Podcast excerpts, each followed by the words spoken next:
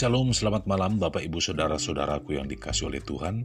Kita bertemu kembali di Renungan Malam pada hari ini Sabtu 12 September 2020 bersama saya Pendeta Sabta Siagian dan tema kita pada malam hari ini berbicara tentang pekerjaan Roh Kudus.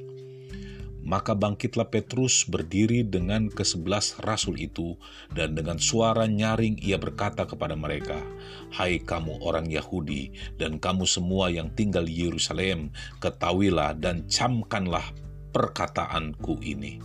Kisah para Rasul 2 ayat yang ke-14 Ibu bapak saudara-saudaraku yang dikasih oleh Tuhan, hari Pentakosta merupakan peristiwa yang sangat menggemparkan di kota Yerusalem dan menjadi titik balik bagi kehidupan orang percaya pada jemaat gereja mula-mula.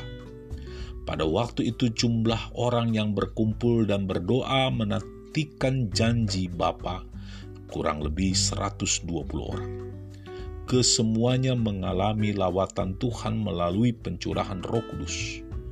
Salah seorang dari mereka adalah Petrus, murid Kristus yang semula menyangkal dia sebanyak tiga kali.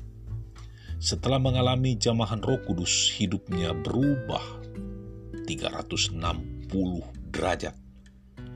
Petrus yang semula dihantui oleh rasa ragu dan takut yang membuatnya menyangkal Kristus telah diubahkan menjadi sosok pribadi yang benar-benar berbeda.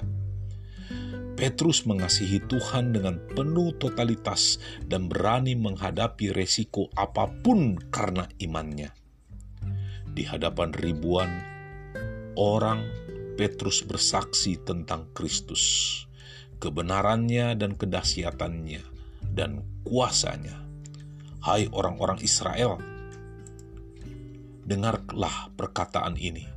Yang aku maksud ialah Yesus dari Nazaret, seorang yang telah ditentukan Allah dan dinyatakan kepadamu dengan kekuatan-kekuatan dan mujizat-mujizat dan tanda-tanda yang dilakukan oleh Allah dengan perantaraan Dia di tengah-tengah kamu.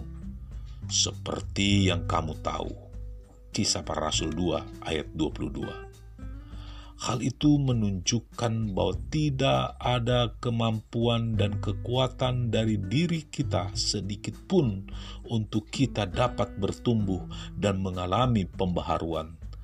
Terlebih, untuk kita dapat melakukan apa yang menjadi kehendak Tuhan, untuk dapat menjadi penurut-penurut Tuhan, apalagi dipercaya untuk menjadi kawan sekerja Tuhan di ladangnya kecuali oleh pertolongan Roh Kudus dan pengurapannya. Ibu bapa, saudara-saudaraku yang dikasih oleh Tuhan, Alkitab mencatat bahwa setelah mendengar khotbah dari Petrus, banyak orang mengalami pertobatan karena kuasa Roh Kudus.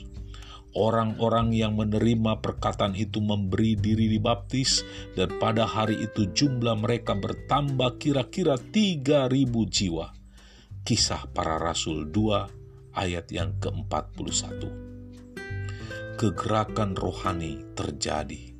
Jemaat mula-mula benar-benar mengalami kasih mula-mula kepada Tuhan. Setiap hari mereka bertekun dalam pengajaran, bersekutu dan bersehati sepikir untuk berdoa di rumah Tuhan, serta bertambah-tambah orang yang diselamatkan.